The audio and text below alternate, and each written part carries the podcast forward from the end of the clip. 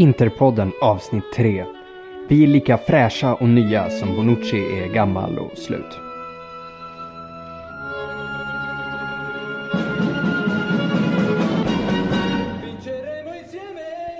Välkomna ska ni vara allihopa till det tredje avsnittet av Interpodden. Eh, vi kommer till er efter en eh, ganska, ganska trevlig omgång på många sätt och eh, innan vi dyker rakt in i att diskutera spallmatchen som vi kommer lägga huvudfokus på och sedan blicka framåt mot matchen mot Crotone nästa helg så vill jag presentera mina partners in crime. Och först ut har vi Neven Nosegovic. Tack, tack. Äntligen få vara med och eh, diskutera med eh, så här fina människor. Det ska bli häftigt. En av våra numera standardiserade gäster, Binan Al-Attar. Yes, som vanligt kul att vara med. Eh, har liksom levt hela dagen på den här underbara vinsten. Eh, gick inte hem, vi var ute och såg matchen och gick inte hem, kom precis hem. Så att, eh, jag är taggad. Härligt. Och eh, vi kan konstatera att det har varit en fin omgång. Vi har piskat upp spall så som man borde. Eh, Perisic drämmer upp en boll i krysset samtidigt som Milan Gladeligan, hade tagit den i krysset för att få med sig ett kryss. Och med det så tänker jag att vi låter Neven inleda med sina tankar om eh, matchen mot Spal. Kör! Eh, det man kan tycka mest som har förändrats är ju framförallt ehm, kombination i spelet. Att vi Spalletti är ju lite känd för att söka centrala genombrott och, och det lyckas vi allt oftare nu. Om man kommer ihåg förra säsongen så gnällde vi ganska ordentligt på de här 79 inläggen som slogs per match och fortfarande har vi kvar det men eh, eh även idag så kom ju faktiskt eh, våra farligheter och, och straffen kom ju från ett central genombrott så att eh, det är ganska påtagligt att han han börjar få det att sitta eh, smått och gott. Men, men där är ju fortfarande vissa grejer i spelet som, som um, måste finslipas på. Men det kan vi gå in på lite mer um, framöver. Ja, alltså. Jag tycker ju så här, man kan säga vad man vill om att matcher är svåra och, och att liksom, eh, ja, varje match ska ju ändå spelas och man kan ha nerver och vi har haft landslagsuppehåll och så vidare men en sån här match, eh, om vi har någonting i toppen att göra någonsin så ska inte det här vara en diskussion utan det är en självklarhet att vi ska piska upp spall. Vem fan är spall? Eh, alltså det är ingen av oss 80-talister, 90-talister som ens har hört talas om det här laget vill jag påstå. Eh, så att nej, jag, jag kände mig nöjd. Sen kanske jag tycker att det tog lite lång tid mellan ettan och tvåan. Eh, jag skulle absolut velat ha en 2-0 innan paus. Eh, men det kändes ändå som det var kontrollerat. Eh, självklart de fick skjuta lite. Vi kommer säkert gå in på matchen lite mer senare men eh, jag tycker vi gjorde jobbet helt enkelt och, och alltså, målskyttarna blev ju också de man, man förutser egentligen. Det är de två vi lever på. Icardi och Perisic. Jajamän, så vi skulle kunna börja egentligen starten på matchen fram tills, eh, fram tills då att, eh, att vi får den här straffen med oss och även straffen kommer vi säkert prata lite grann också i och med att det var kontroversiellt ska man kanske inte säga men eh, det är i alla fall nämnvärt att videodomaren var med och fällde det slutgiltiga beslutet. Men om vi börjar då inledningsvis i matchen. Jag var inte så värst nöjd. Vi kändes otroligt slappa. Är det bara min uppfattning eller håller ni med? Neven, du som är fotbollstränare, skulle inte du kunna ge oss en eh, liten eh, analys på den taktiska aspekten?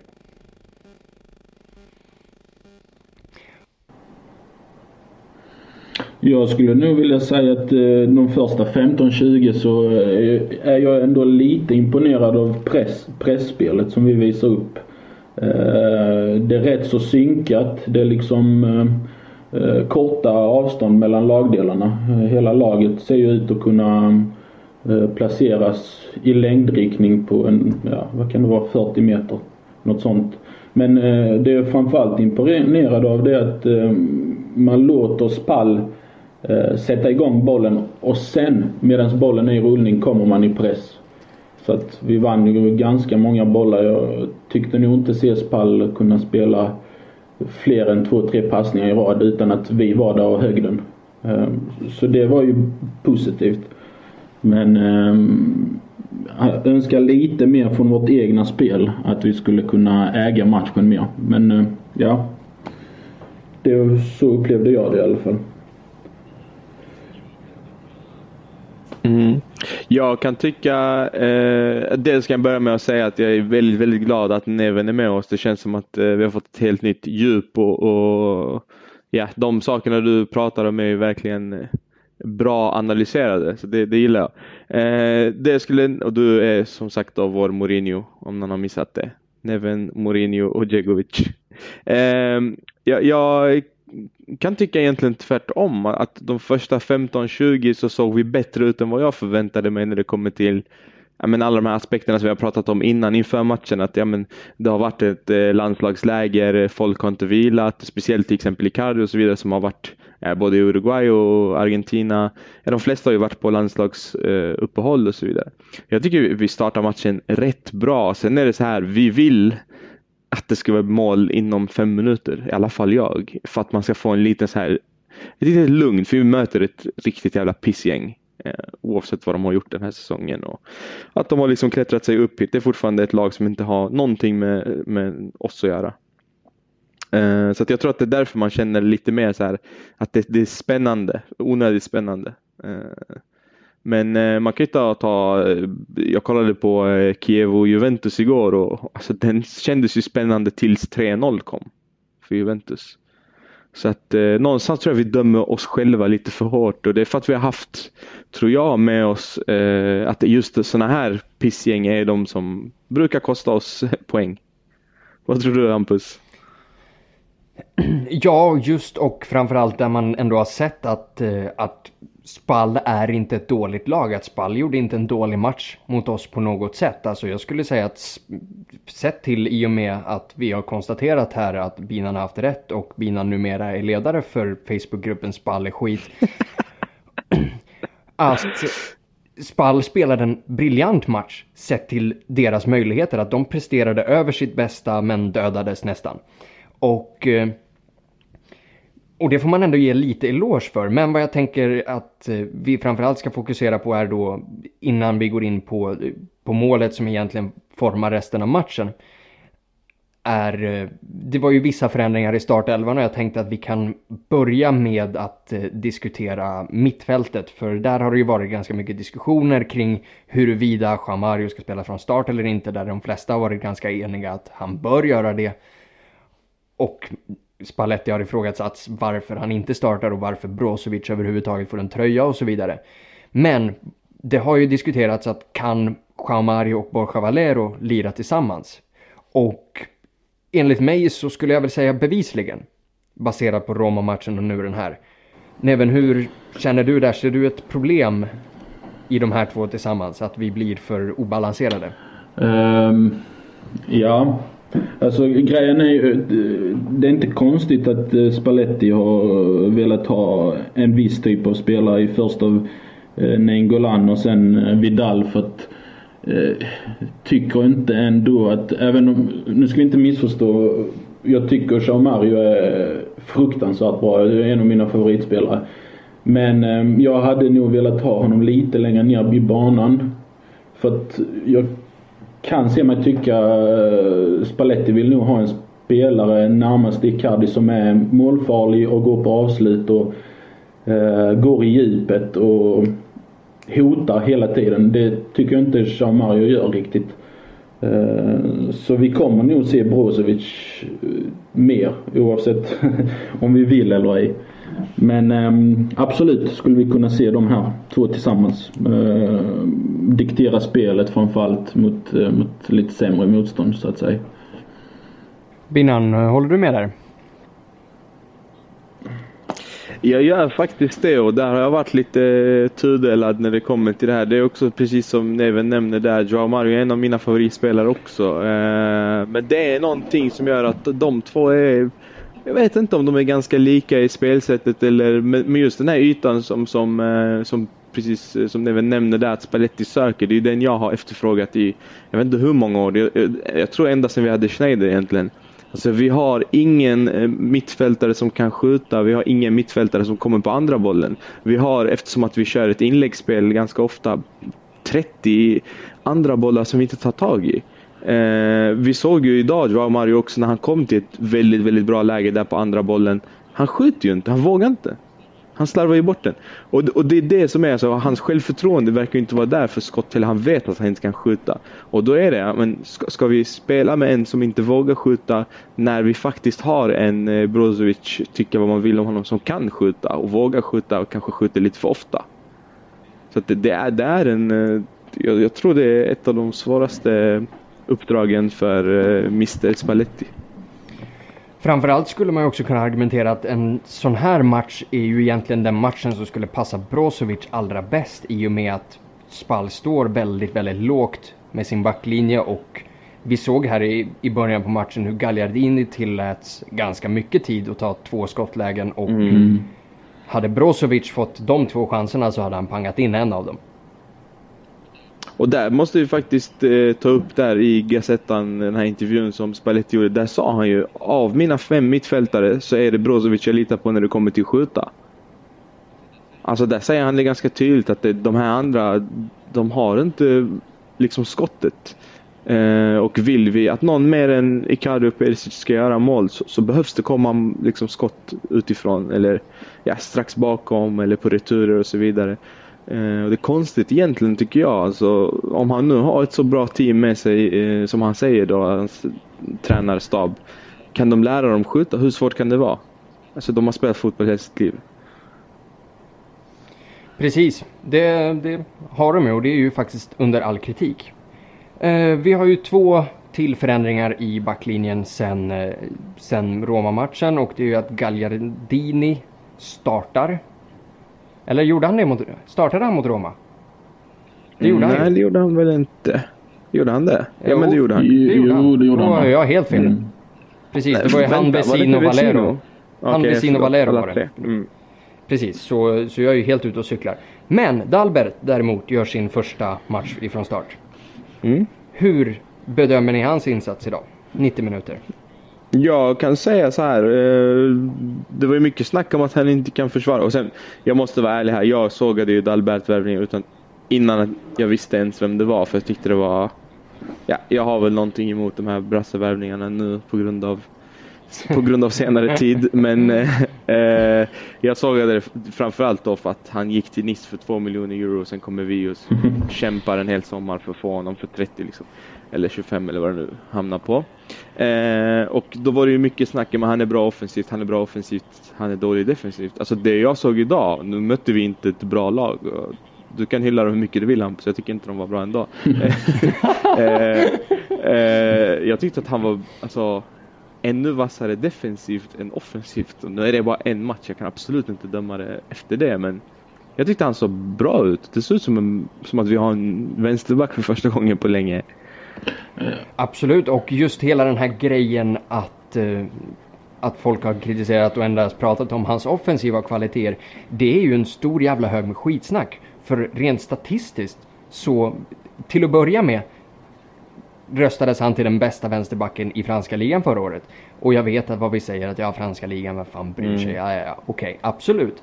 Men han röstas fram till den bästa i ligan över Benjamin Mandy som gick för vad var det, 42 mille till City eller något sånt där sjukt. Ja, så går man till Premier League så är det väl minst den summan. Precis, och samtidigt så har han också de flest blockerade inläggen i den ligan och flest vunna luftdueller på sin position. Så att han skulle vara bristfällig defensivt, det är ingenting som jag någonsin har förväntat mig av honom och jag är ju en av dem som har sedan starten varit skarpt för, för just den här värvningen. Mm.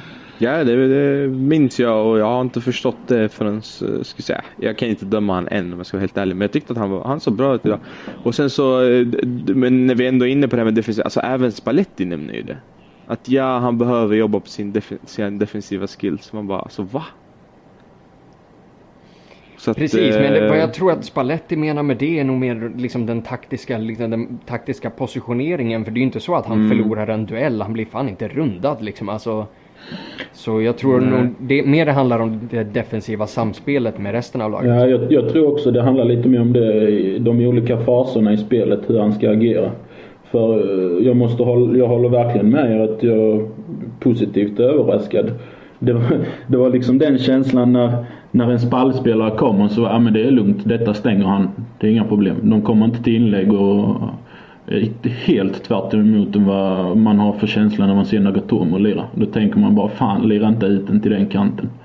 Så att eh, eh, absolut. Sen ska vi också säga, nämnas att Spall kanske inte inte det liksom motståndet som, som skrämmer de flesta. Men en brasiliansk ytterback, det rimmar oftast varningsklockor men eh, så bra ut. Så bra ut. Finns något att bygga på.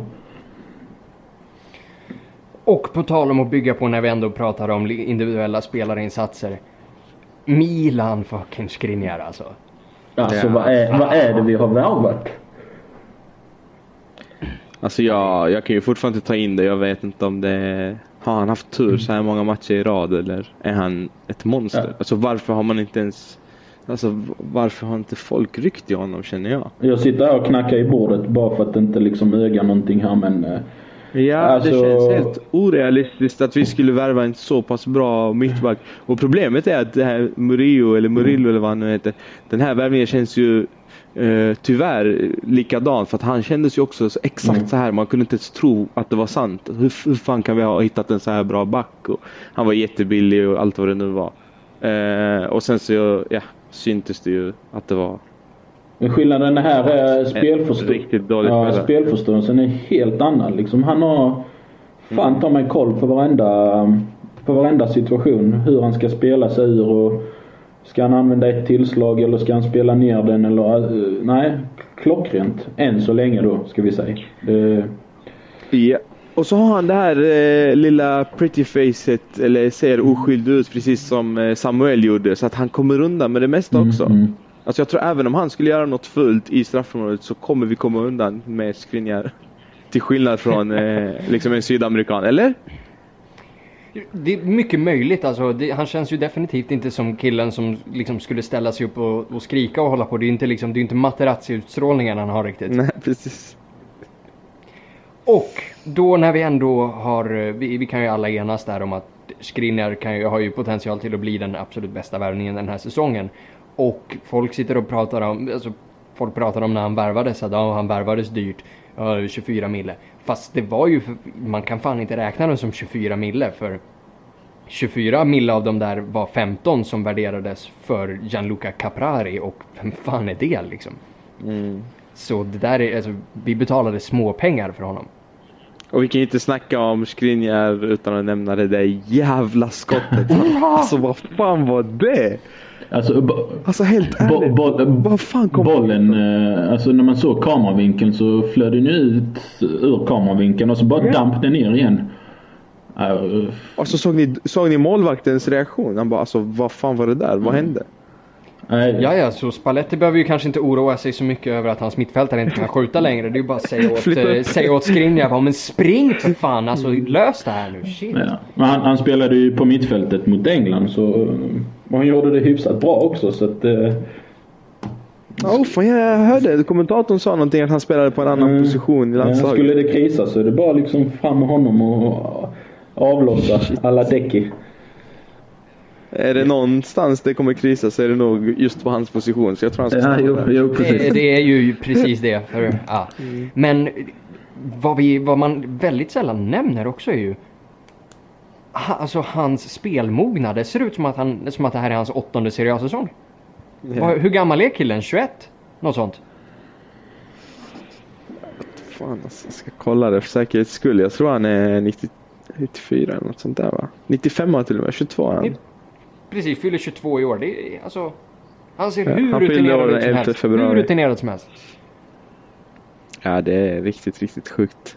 Men eh, det var, jag hann inte liksom eh, nämna det senast men det, det är därför jag känns som den här Mercaton är på en helt annan nivå än vad vi har varit med om senaste säsongerna. För att det är noga utstuderade spelare för, som passar Spalletti. Och sen är det faktiskt spelare från Serie A som har presterat länge, kan ligan.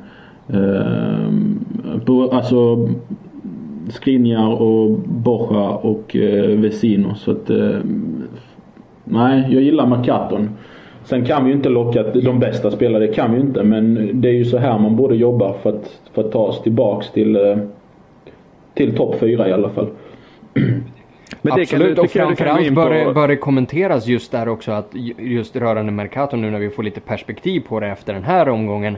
Att jag läser någonstans att våra totala utgifter när man räknar bort spelare utåt och, eh, och deras lönekostnader så överstiger vi inte ens 30 miljoner spenderade. Mm. Och ställa det i perspektiv till Milan som har degat upp 250 miljoner euro. Bara i övergångssummor. Och sen blir tokkukade. Mm. Plus att de, eh, vad är det de har, 40 miljoner euro per säsong va? Eh, högre lönekostnader. Det är ju det jag blev också lite slagen av när man såg att vi ligger på 80 sammanlagt. Det är ju fantastiskt bra jobbat. Um, jag tror Milan lag på 117. Mm. Ja. Så att eh, nej, det är stor eloge Men... till pojkarna som har jobbat med, med Marcato. Sen är det ju vissa grejer som vi att vi bara har kvar de här två mittbackarna, det är ju inte bra alls. Fram. Men kan vi inte ta det som du var inne på då när inspelningen avbröts för någon vecka sedan här. Men, men just det här med vilka typer av spelare vi, vi kan attrahera och få in. Just den här kategoriseringen som du var inne på. Nej men alltså jag tycker ändå någonstans uh, vad man hör, hör från Interfans. Ja vi är missnöjda med att vi inte fick den här och den här spelaren. Men Alltså kollar man på de här kategorierna av spelarna som kanske Neymar är nummer ett då som gick till eh, Paris. Någonstans blir det en dominobricka att eh, kategori nummer två är ju kanske eh, ja, Coutinho och eh, Nengolan och alla de här. De, inte ens där har vi egentligen en möjlighet att värva någon spelare. Det är kanske den tredje kategorin då som vi får fokusera just nu på. Och det tycker jag faktiskt att, eh, Eh, som jag nämnde precis, att um, Sabatini och Silvio faktiskt gjort ett jättebra jobb.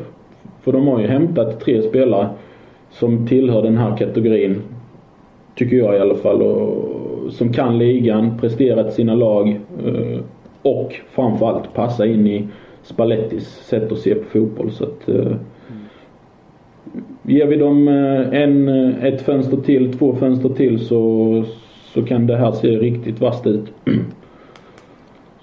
Och jag kan säga så här, i början så kände man ju, jag kände nästan likadant som det Sen så deras egna liksom eh, panikuttalanden där på slutet var de som skrämde upp mig mm. ordentligt. För det kändes ju som det här med, ja med kinesiska regeringen kommer in och blandar sig i, i hur Suning spenderar och så vidare. Och så vidare. Alla de här grejerna kom ju på slutet att vi inte lyckades knyta till oss en mittback. Och då började jag få lite smått panik. För i början kände jag att de har koll på läget. De jobbar i det tysta och så vidare. Men eh, där på slutet kände jag att med uttalanden som ja men Ranocchia ska inte vara kvar och sen så nej Ranocchia ska vara kvar och allt det här. Så kände jag lite panik. Nu efter varje match känner man sig lite lugnare. Det är självklart för att vi plockar poäng men jag hoppas att, att eh, alltså, jag blir lite mer lugn när Neven som är tränare säger det än när mina demoner i hjärnan tänker ut det. du då Hampus? Jo, visst fan är det så. Och eh, om vi då fokuserar lite mer på matchen här. Det första mm. målet är en straff från Icardi som, eh, som bedöms då efter att domaren går och kollar på reprisbilder. Korrekt bedömt, eller hur? Eh, alltså, om du frågar mig så jag kan fan inte svara på det. Jag har kollat på bilderna och jag har kollat på eh, alltså VARD och, och, och, vad de bedömde ifrån. Och, alltså det syns inte om det är kontakt om jag ska vara helt ärlig. Men eh, i första läget tänkte jag 100% straff. Så att han inte blåser straff det är det sjukaste jag har sett. Neven, hur känner du kring du, du säger kontakt här Binan. Jag, jag måste vara ärlig, jag, jag tittade inte ens på det för jag var helt klar. Jag tänkte fan det här är ju såklart. Men det, det... Nej, alltså jag, jag tittar inte så noga med mina Juve-kompisar och skickat ett antal videoklipp till mig där det syns. Alltså att du har Juve-kompisar, det får ju fan ja, mig att tvivla på om jag ska vara mm. kompis med dig. Jag tänkte mer på eh, straffområdeslinjen tillhör ju liksom, eh, skulle man bli fälld på straffområdeslinjen så är det ju straff det också. Så att, jag tyckte inte ens att det var nej, alltså, tveksamt alltså, om den var innanför eller utanför. Han blåser ju frispark först. Nej. ja, alltså att, att att han blåste på fel ställe liksom, eh, det är en blind höna säger att det där var innanför. Mm. Oh ja. Så att, eh, men om det var kontakt eller inte, det låter jag säga att jag kan inte bedöma ens efter att ha sett bilderna. Så att nu så här i efterhand kan jag förstå att det tog den tiden det tog. Just där och då tyckte jag att det var helt idiotiskt. Jag tyckte man skulle avskaffa VAR och allt vad det nu var. Fastän det gick vår väg så kände jag att du stoppar spelet i 4-5 minuter och det är liksom kaos. Varför? Okej, okay, men om vi då hugger på den just eh, VARs varande eller icke vara. Den mm. strukna raden ur Hamlet. Uh, hur känner ni där? Är det, är det bra initiativ för Serie A? alltså, okej, okay, ska jag vara först att svara här då? Um, jag säger så här. Det, går, det kommer gå vår väg fler gånger med VAR. För att vi har haft lite dispyter med domare, vi har haft lite, ja, men lite orättvisa. I alla fall så har det känts så. Uh, så jag tror att för Inters skull så är det bättre med VAR. Mig personligen, jag tycker det är alltså verkligen helt värdelöst. Fastän det gick vår väg idag. Motivera. Jag det är så Jag fixar inte det här spelavbrottet i, i x antal minuter. Och när jag själv, som litar på mig själv, inte kan bedöma efter att ha sett video.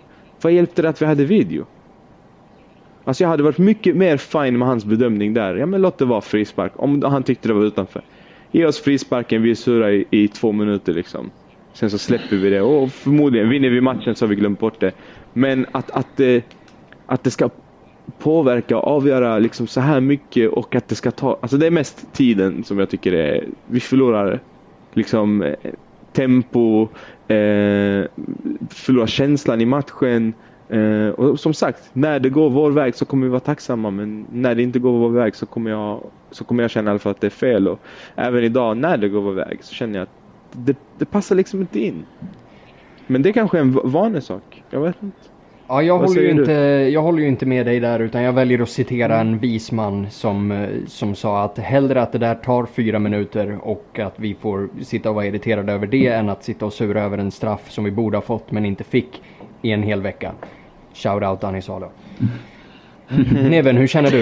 Eh, jag är Benan, jag håller med dig. Eh, jag vet inte, det känns som det blir någon annan sport.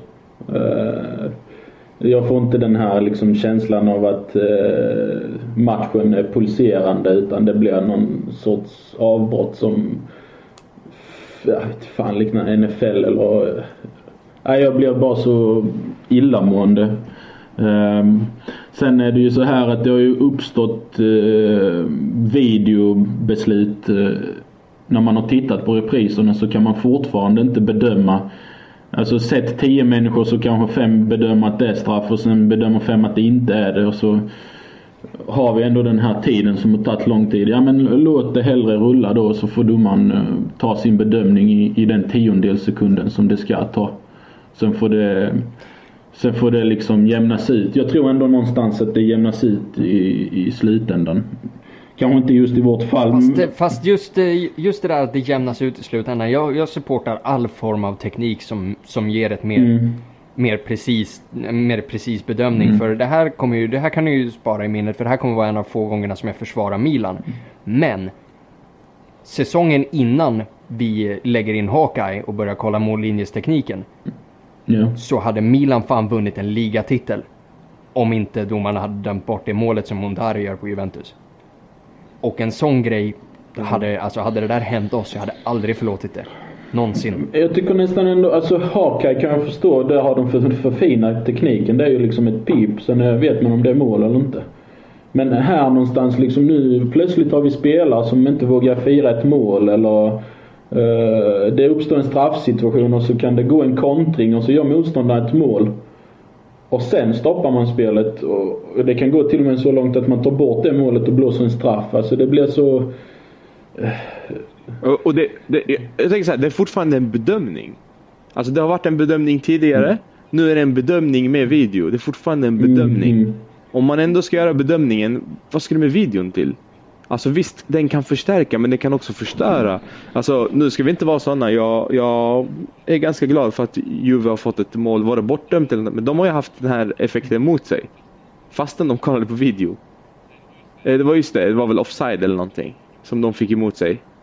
Nu minns jag inte eh, hur det var, om, om deras mål blev bortdömt eller om, de, eh, om motståndaren fick ett mål. Någonting i alla fall. Den tekniken används, de fick ett mål eh, emot sig eller bortdömt. Liksom. Så det är fortfarande en bedömning eh, och det är fortfarande domaren som kommer bedöma eller den här fjärde domaren eller videodomaren eller vad de kallar det. Eh, om det ändå ska vara en bedömning, låt det vara en bedömning så som det alltid har varit. Jag vet inte, jag, jag är inte för den i alla fall. Jag tycker den kanske blir bra om man Alltså det finns ju inte ens någon tydlig, klar mm. regel när den ska användas. Alltså det var inte säkert att han skulle kolla på videon idag. Men det är viktigt det, Absolut. Det, är, det är viktigt det du säger där nu att det kanske blir bra. För det har ju bara gått eh, ett par omgångar de använt det. Så det är ju mm. någonting som kan förfinas och bli något bättre än vad det är nu. Absolut. Det, det får man ju ge det ett litet tag. Men den spontana känslan just nu är ju att eh, ja, det, det förstör för mycket, tycker jag, av sporten. Men vi kan i alla fall vara säkra på att nästa gång Gianluca Rocchi dömer en match till oss så kommer han inte titta på några jävla videobilder och döma bort oss precis som vanligt. Jag tänker att vi ska prata om en, om en sista grej rörande spallmatchen och det går ju inte att inte säga det längre men eh, för vi har hållit på det ett tag nu men Ivan Perisic alltså. Mm. Alltså det... Vad är det? Jag, Två mål och fyra assist va? På tre första matcherna, om det är något sånt. Ja, det kan stämma. Alltså han är ju helt outstanding. Uh, och alltså där, alltså han räddar, alltså han försvarar på, på högerbacken i slutet av matchen. Mm. Alltså hur är det ens möjligt? Vad gör han där? Så hur kan man vara så pass komplett i matchen att man är liksom överallt och, och ligger bakom allt och alltså både offensivt och defensivt. Och han ser ju glad ut också. Han gör det typ i 88 89 minuten mm. också. Så tar han en diagonallöpning från ena hörnflaggan till hörnflagga på motsatt sida på andra planhalvan. Vem, vem alltså, fan alltså, kan... orkar det? Ja, alltså det är det jag menar. Det känns som att han har hittat Alltså han, han sa väl någonting nu i kontraktsförlängningen också i där intervjun till Interchannel efter att Spalletti sa till mig att han kan göra mig bättre. Att det var typ det som fick honom att stanna. Mm. Men det tror jag vi kommer absolut att få se också. Jag tror vi kommer att se Perisic eh, utveckla sitt spel. Jag tror han kommer att vara närmare Icardi och lite mer centralt in i banan. Jag tror att jag tror att eh, Spalletti kommer vilja få ytterbacken att bredda spelet. Och Dalbert troligtvis då istället för ja, den som inte bör nämnas. Uh, och, och tvinga på så sätt att Perisic söka ytan uh, i de fickorna uh, närmare Icardi. Så jag tror definitivt vi kommer få se en farligare spelare under, under Spallettis ledning. Definitivt. Och det har ju faktiskt Spalletti själv sagt i, i någon intervju att vi ska få honom att kliva in banan 5-10 meter så att han får ännu mer utrymme att bli farlig. Så det ska bli spännande att se faktiskt. Jajamän, och vi har ju då också fått, eh, fått ett tydligt bevis att vi hade ju lite, lite farhågor, i alla fall jag, innan den här matchen att eh, när, vi, när vi då piskade upp Fiorentina och tog tre poäng mot Roma så var det ändå lag som försökte spela fotboll mot oss, som ville utmana oss. Och vi såg ju tydligt att Spal hade inga sådana intentioner överhuvudtaget. Och det var ju något som vi alla väntade oss och vissa av oss var också oroliga över att hur kommer vi kunna spela lika bra när hela laget parkerar bussen. Och bevisligen så är ju inte det något större problem för oss och det känns ju bra att veta nu när vi går in inför nästa match här som är då nästa helg mot Crotone på bortaplan och det har ju gått jävligt bra förut, eller hur? Till, till det här kan nämnas att, eh, att, min, eh, att min tjej som, eh, som vi har varit tillsammans nu ett antal år, men hon är ju i grunden från, från en liten, liten by i närheten av Crotone.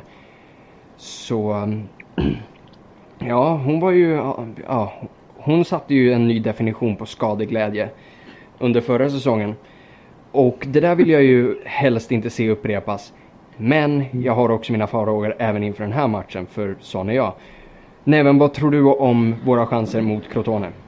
Mm, de borde väl vara rimligtvis bra. Um, du vet det här när det, när det går för bra så kommer man ju vänta en plump.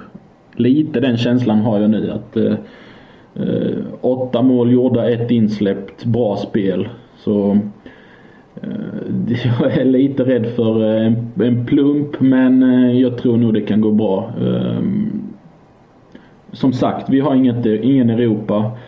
Eh, grabbarna får träna i lugn och ro. Eh, förfina sitt spel så som Spalletti vill. Eh, hålla intakt 11 så att eh, det gör jättemycket. Det gör otroligt mycket så att jag tror nog att vi eh, vinner.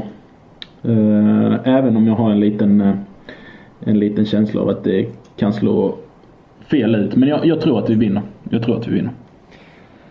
Alright, innan, innan Binan svarar där så tänkte jag att vi kan prata lite i och med att det är starten på säsongen och så här. Vi kan nämna lite om, eh, om Crotones Mercato här och eh, det som, eh, det som fuckade upp det för oss förra året kan ju omöjligt fucka upp oss nu för Crotone, vilket är tvärt vad då Spall har gjort, har om möjligt tappat en, sina absolut viktigaste spelare. Alltså att de har ju skickat tillbaks Eh, Diego Falcinelli som var på lån från, eh, från Sassuolo. Som vi alla säkert kommer ihåg var killen som drämde upp två på oss. Så han är ju inte kvar, men istället har de plockat tillbaks Ante Budimir som eh, var med och tog upp klubben i Serie A och sen då gick till Sampdoria och dunderfloppade och nu tillbaks i Crotone. Vilket måste kännas som en personlig bedrift. Eh, och de har ju också tappat eh, killen som höll ihop hela deras försvar förra året eh, i Gianmarco Ferrari. Även han tillbaka i Sassuolo från lån. Medan man inte direkt har plockat in något nytt som är av värde. De har plockat in Stefan Simic, ungdomsspelare från Milan. De har tagit in på mittfältet Rolando Mandragora från Juventus. Crocchiata, också ungdomsspelare från Milan. Men i överlag så ska det ju sägas ett ofattbart svagt jävla lag på pappret. Binan, är du lika säker på att vi gör sylt av de här så som vi gjorde av Spall? Alltså i min värld så, så är inte det här ett, ett fotbollslag värt att nämna och självklart så ska vi alltså utan tvekan köra över de här soporna. Det som, är, som skrämmer mig eller som, som får mig att känna någonting att ja, men, kommer vi mentalt fatta vad vi håller på med? Kommer vi mentalt vara med och, och liksom kämpa för tre poäng direkt? För att vi måste vara med från start. Och jag tänker så här, Inter Fiorentina, hemmaplan, eh, premiär, fullt med folk. Roma-Inter, eh, stor arena, fullt med folk. Eh, Inter Spal, ja, 60 000 eller 57 000 på läktarna. Hur många kommer vara på läktarna mot Crotone liksom? Och kommer vi få det här Kommer vi känna att det är en riktig match eller åker de dit och tror att det är en träningsmatch mot ett pisslag? Så att återigen, det är där, det är Crotone, när vi möter Crotone borta, det är då jag tänker att det är Spallettis jobb och, och tagga igång de här, förstå att, att det är lika många tre poäng här som det var mot eh, Roma borta liksom. Precis, just det du nämner om publikstödet där kan vi ju också påpeka att det är en liten speciell grej när det gäller just Crotone för eftersom de är mm. ett sånt jävla dasslag så som du påpekar att de är så är också deras arena belägen i Crotone inte upp, möter inte standarden som krävs för Serie A. Så de delar just nu arena med Pescara i Abruzzo, vilket är en ganska bra bit från Crotone om man ska vara helt ärlig. Så publiknärvaron på Crotones eh, så kallade hemmamatcher är ju, är mycket, mycket, mycket begränsad. Så Neven, tror du ungefär som Binan att, eh, att eh, avsaknaden av, av känslan av vikt i den här matchen kan komma att, kan komma att påverka vår prestation? Um, det är intressant det du säger Binan, att eh, det är tränarens stora, ja, man sätts på prov när man ska spela mot sådana lag på bortaplan. För att eh, någonstans, precis som du säger, de här tre poängen lika mycket värda som alla andra. Så att, eh, mm. ja, det är liksom det är det som eh, verkligen sätts på prov om, om vi kan få igång alla spelarna. Och kan vi det så är det inga problem. Då kör vi över dem. Men eh, frågetecknen finns kring att börjat så bra och sen eh, tro sig att allting ska bara rulla på en räls. Så att eh, ja, där Spalletti har lite jobb under veckan.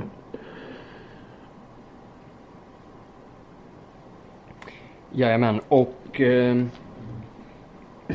vidare kan man ju kommentera, vi kommenterade skadeläget inför spallmatchen. Eh, vårat skadeläge ser ju ungefär detsamma ut, att jag och Cancelo är fortfarande borta ett antal veckor till. I Crotone så är man nästan full styrka, den enda man saknar är Alexander Tonev. Vem fan nu det är. Och eh, så just på den punkten ska det inte spela så stor roll. Om vi då ställer den här matchen i relation till spallmatchen, är det någonting som, som ni tänker att Inter behöver göra annorlunda för att säkra de här tre poängen? Mm, nej, alltså jag tycker man ska köra på precis som, eh, som idag, liksom börja med pressen redan tidigt. Och jag, alltså vikten av att sätta ett mål tidigt tror jag är superviktigt, speciellt på bortaplan. Eh, sen ska man också säga så här, vi spelar mot Crotone borta på, på eh, lördag och sen på tisdagen spelar vi mot Bologna borta också. Så att det, det är en, eh, liksom det är nu vi kommer in lite eh, må, må, mycket matchande även fast vi inte spelar i, i eh, Champions League eller Europa League. Så att eh, jag tror att vi kommer... Ja, men, man, jag tror man från Spallettis sida tänker på båda de här matcherna för Bologna är också en bortamatch. Liksom.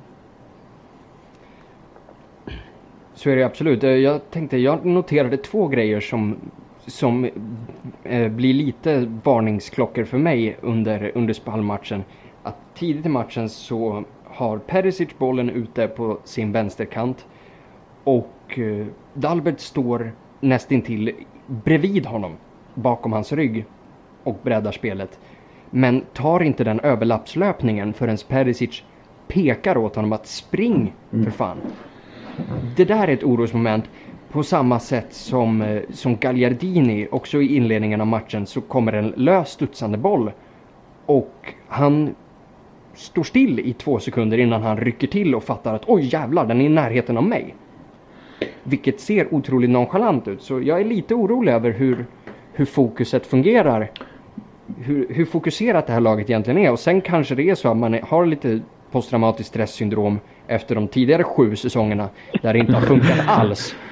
Så man kanske överanalyserar de här grejerna men men, är lagets fokus något som oroar er? Men det, det, är en intressant situation för jag tänkte också på den och det kommer ju ta lite tag för Spalletti att sätta det här synken mellan ytterback och yttermittfältare. För han vill ju ha bredd så att vi, så att vi drar isär motståndaren så att vi kan komma igenom på mitten. Men man såg ganska tydligt på båda kanterna att synken mellan eh, Diambrosio och Kandreva var inte alltid där. Eh, Ibland höll eh, D'Ambrosio bredden och så kunde Kandreva vandra in, vilket vi såg många gånger under matchen. Och han fick till och med iväg ett skott där från central position som nästan mm. blev mål. Men um, det var många gånger som D'Ambrosio fick vandra in i mitten istället och det är ju inte kanske så lyckat. Och samma sak åt andra sidan, just den situationen som du säger här att de står nästan i vägen för varandra. Så det kommer ta lite tid för dem att, att synka det här när, när Delbert kommer ut på ytterkorridoren så att säga. När ska Perisic röra sig inåt och så vidare. Så att, um, intressant eh, situation som uppstår men um, ja, han har lite att träna på där. Jag tänker att det är jätte... Alltså jag har inte ens tänkt så långt så som eh, ni kommer in på det nu. Speciellt eh, när vi går in på djupet med att det handlar om att de behöver träna ihop sig. Vem som ska gå ut och vem som ska gå in då. Eh, när den ena är ute. Eh, det jag tänker annars, det kan ju också varit att just idag när man har kommit tillbaka från landslag, har inte tränat ihop hela veckan och så mm. vidare. Att just där är den här lilla eh, nerven eh, lite ofokuserat för att det inte är liksom, de har varit med sina respektive landslag, haft, som du säger, vissa haft olika positioner och så vidare. Så att eh, den förhopp alltså skärpan där tycker jag, eller för, förväntar jag mig ska vara eh, mycket, mycket bättre när man har haft en hel vecka ihop eh, och ska möta pissgäng i Crotone. Eller i Pescara eller vad fan de nu ska spela. Eh, ja, och då ska jag bara adressera min, min sista lilla varningsklocka från spallmatchen som jag tror även kan bli ett problem nu mot Crotone och jag är ju jätteintresserad av att höra era lösningar på det. Men det känns ju otrevligt att trycka ihop orden problem och Mauro Icardi i samma mening och det är ju självklart inte det jag menar. Men under den här matchen mot Spall så blev han otroligt isolerad och fick inte många bollar alls från kanterna. Och sätter ju sitt mål på, på straff egentligen och lirar ju fram bollen då till Juan som, som då orsakar den här straffen. Men vi måste ju kunna få kunna få Icardi att fungera mot de här smålagen. För han ligger ju nu på, på delad första plats i skytteligan tillsammans med tjuvarnas Paolo Dybala och mm. tätt följd av Slampdorias Fabio Quagliarella. På tre baller på tre matcher. Hur kan, hur kan Spalletti få Icardi att, att även hänga två mål på skitlagen så som han kan, bevisligen kan göra på Roma och på Fiorentina? Eh, alltså, ska jag vara helt ärlig, vi diskuterade det här innan, eller i förra podden innan den här matchen också. Jag hade inte startat Icardi idag och även om jag hade startat honom så hade jag inte eh, spelat honom 90 minuter. Jag tycker inte att han eh, eh jag tycker inte han såg vaken ut idag om jag ska vara helt ärlig. Jag tycker inte han så, såg fokuserad ut eller glad ut. Eh, jag lade märke till att han inte gjorde sin, eh, sitt målfirande heller, det klassiska. Så jag vet fan om, om han hade en dålig dag bara eh, och ändå på en dålig dag liksom trycker dit ett mål och är, ja, men är helt avgörande egentligen, som vanligt. Eh, men jag, jag, tycker att han, det var ett tag som jag satt och tänkte så här, fan nu har jag kollat på matchen i typ 30 minuter, jag har inte sett Icardi. Alltså inte så att, att han inte har fått bollen, jag har inte ens sett honom löpa. Typ att han är helt borta från den här matchen. Eh, och alltså om det är en sån här match spela Eder. Vi ser, vi ser att han kan det här. Eh, spela Pinamonti om vi nu eh, liksom kan ska få igång. För jag tänkte på det innan. Om Icardi ska spela varje match 90 minuter, vilket han borde göra och så vidare. Eh, och sen så kommer vi slänga in Eder de sista 10 i, i ett antal matcher. Då kommer Pinamonti aldrig få komma in i laget. Liksom. Aldrig få spela. Så jag hade nästan börjat, en sån här när han har varit borta på landslagssamling i Sydamerika, haft det tufft så här. Alltså, spela, spela Eder idag. Jag tror inte att, eh, självklart Spalletti tar en risk om vi inte vinner då kommer han få skit av allt och alla. Men eh, jag, jag, tror inte att eh, Icardi var sig själv, att han var eh, pigg och fräsch idag. Det är vad jag skulle säga, sammanfatta för idag. För jag tror inte att, eller jag tycker inte att han är så här alltid när vi möter skitlag. Utan alltså när vi möter till exempel Atalanta så, så kan han ju göra hur många mål som helst. Nej men hur hade du fått, eh, hur hade du som tränare instruerat för att få in Icardi även i de här små skitmatcherna? Tror, tror du som Binan att det här är en ingångsgrej eller finns det ett potentiellt problem här? Jag tror det kanske eh, i det stora, stora loppet så har ju Spalletti själv sagt att han måste få honom mer delaktig i spelet. Så att han bör röra sig utanför boxen också. Och samverka med, i kombinationsspel med spelaren som är bakom honom och de här två yttrarna. Så det är väl det som är det stora eh, testet för Spalletti att utveckla det i hans spel. Så det tror jag kan göra att när han börjar röra sig lite utifrån att eh, det sätter galler i, i försvararna. Ja, jag vet inte riktigt var han rör sig. Men då måste vi i och för sig ha en mittfältare som tar hans position istället. Mm. Ja precis, som löper i djupet på de här bollarna då och, och, och, eh, skapar upp yta för honom. Så det är väl i så fall det sättet ehm, just mot mindre lag. Få större rörelse på honom. Få mittbackarna att flytta på sig så att eh, skapa mer yta till sig själv. Ehm, på det sättet finns det en möjlighet att han, att han kommer att briljera ännu mer mot de här lagen. Alrighty then, då har vi vridit och vändit, vänt på, på både spallmatchen och Crotone-matchen och det som egentligen återstår är ju då att eh, tippa resultat Binan, påminn mig, vad hade du för, eh, för tippat resultat i matchen mot Spal? Du hade 3-0, eller hur? Jag hade 3-0 och jag hade eh, Joao Mario, Perisic och Icardi som målskyttar. Ja, du pra- fan prickat, prickat två av tre och den tredje Ja. grejade en straff. Det är fan rätt bra. Ja, alltså. snyggt. Det, värsta, det värsta är att jag hade tippat eh, i den här eh, tipsligan på eh, hemsidan hade jag tippat 2-0. Eh, men innan matchen gick jag in och ändrade till 3-0 för att den skulle hålla med podden då. Ja, och Du jag vad hade ju- du tippat? 2-1 jag- jag- eller 1-1? Jag, jag tippade ju 1-1 där. Att, eh, att, eh, att Icardi skulle göra ett och eh, att då... um, Borrello va? Nej, men jag tippade Federico. Viviani sjuk som är. Så, det. Och det, det fick jag ju gladeligen käka upp och det har jag inga problem med att käka heller. Liksom. Så, så det var ju trevligt. Eh, Men eftersom vi, var med, vi tippade förra veckan så tycker jag att Neven definitivt får börja med att säga hur, hur slutar matchen mot Crotone? Eh, Jag tror den slutar 1-2. Att vi vinner med 2-1. Jag tror att... eh, Ska jag nämna målskyttar med? Jajamensan.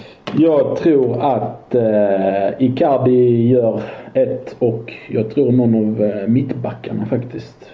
Jag tror Miranda gör ett mål. Han som aldrig gör mål. På en fast situation. Ja, och målgöraren för Crotone då? Puh, vad har vi att välja på? Ja.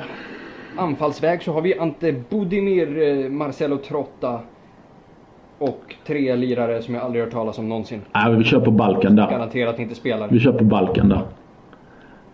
Budimir ja. Det, nej, men han känns... eh, Någon Balkansnubbe gör alltid mål mot Inter. Det är väl så. De- de kan ja, hålla. ja. Han har väl en sån dag när han briljerar helt enkelt.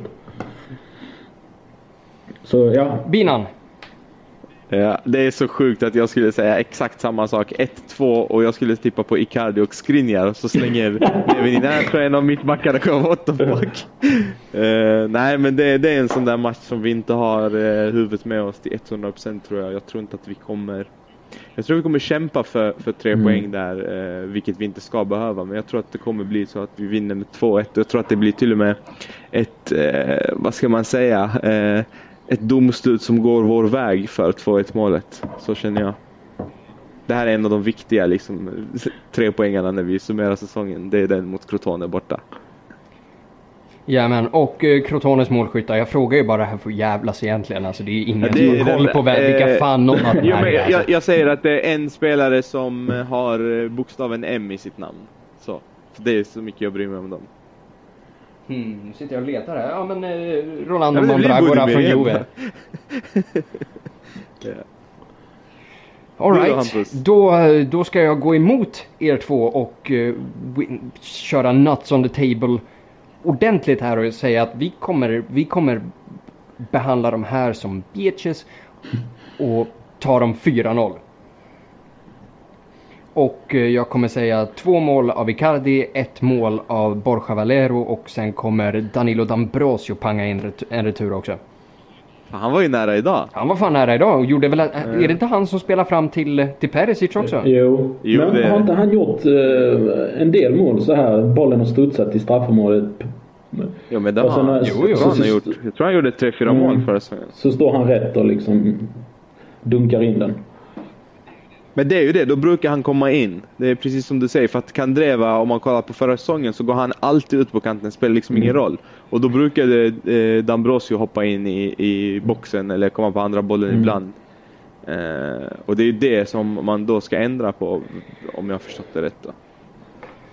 Ja, jo men precis, där, där har ni en poäng och det, det kan man ju också kommentera att hela den här säsongen och egentligen hela förra säsongen också så har jag suttit och svurit över den där högerkanten för det ser så satans klumpigt ut, det ser så taffligt och ingen har någon, ingen verkar ha någon egentlig koll på vad fan de gör mellan, mellan Kandreva och D'Ambrosio. Men varenda gång så kommer det en assist från någon av dem. Eller någonting som blir matchavgörande. Och jag börjar fan tro att det här är taktik, att de gör det med flit. Att de spelar så här dassigt och, och slarvigt och klumpigt. För att bara sätta, mo- sätta motståndarlaget ur balans och få dem att oroa sig som fan för Perisic. Och sen kommer D'Ambrosio och lägger en klockren boll. Nej, men jag nämnde ju även det här förra avsnittet då. Alltså, jag tycker att Kandreva får för mycket skit. Jag tycker att han är en nyttig spelare. Jag tycker att han gör mycket eh, rätt. Eh, men han är i en, ja, men någon typ av identitetsfas. Han vet inte riktigt än vad som förväntas den här säsongen. För det han gjorde förra säsongen var att slå inlägg. Eh, och det var i princip det han gjorde. Eh, nu verkar det som att han är mer delaktig och ska, ska liksom hitta sin nya roll i laget. Eh, men jag tycker att han, jag tycker att han gör det bra. Jag, jag tycker att han får alldeles för mycket skit. Det är inte en... Eh, eh ja, man nu, det var som, som vi gav, när hela intervärlden gav Kivo en massa skit fastän nu i efterhand det är den mm. bästa mm. vänsterbacken mm. vi har haft på tio år liksom. Nej men just det, alltså, jag, jag håller med dig till viss mån att han får, han får ju oförtjänt mycket skit. För alltså säg mm. vad man vill men han gör ju målen och han gör assistsen och han... Alltså han, han gör ju poäng. Mm. Men han är så fantastiskt vackert jävla irriterande att titta på. När det kommer ja, alltså, till de här in, inläggslägena när han behöver ta 11 touchar mm. innan han ska drämma, drämma ett inlägg på en försvarare. Och sen två gånger i matchen så pangar han in den på first touch. Eller lägger den i djupled och då mm. spelar fram till till exempel i Karis mål mot Roma. Ja, alltså jag, jag är med men jag tycker faktiskt att han, eh, att han gör ganska mycket. Alltså för att han, det är ändå han som kommer till de här lägena hela tiden och det betyder att han gör mycket rätt. Sen tycker jag, om vi ska diskutera spelare i sig, så tycker jag, jag, jag, jag kan inte greppa Gagliardini. Jag försöker.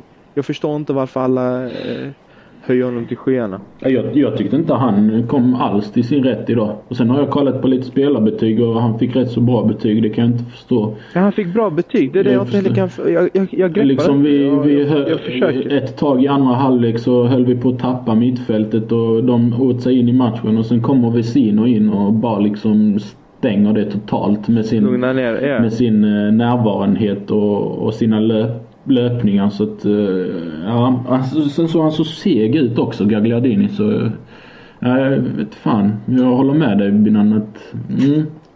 När, ska han ta nästa steg så får han visa betydligt mer än vad han gjorde idag. Och det är just honom, han är ju väldigt frustrerande på det sättet. För om vi säger att förra säsongen när hela laget såg ofokuserat och slarvigt ut och gärna gick och tänkte på något annat. Så var det ju han som gjorde de enkla grejerna korrekt. Han mm. som vann bollarna, han som täckte ytan, han som öppnade upp passningsvägar och, och, så vidare. Och nu känns det som att det har inverterat på något sätt. Att han känns inte liksom... Han känns inte fokuserad. Som jag nämner där, till exempel den situationen när bollen kommer rullandes och han rycker till som mm. oh, jä oh jävlar.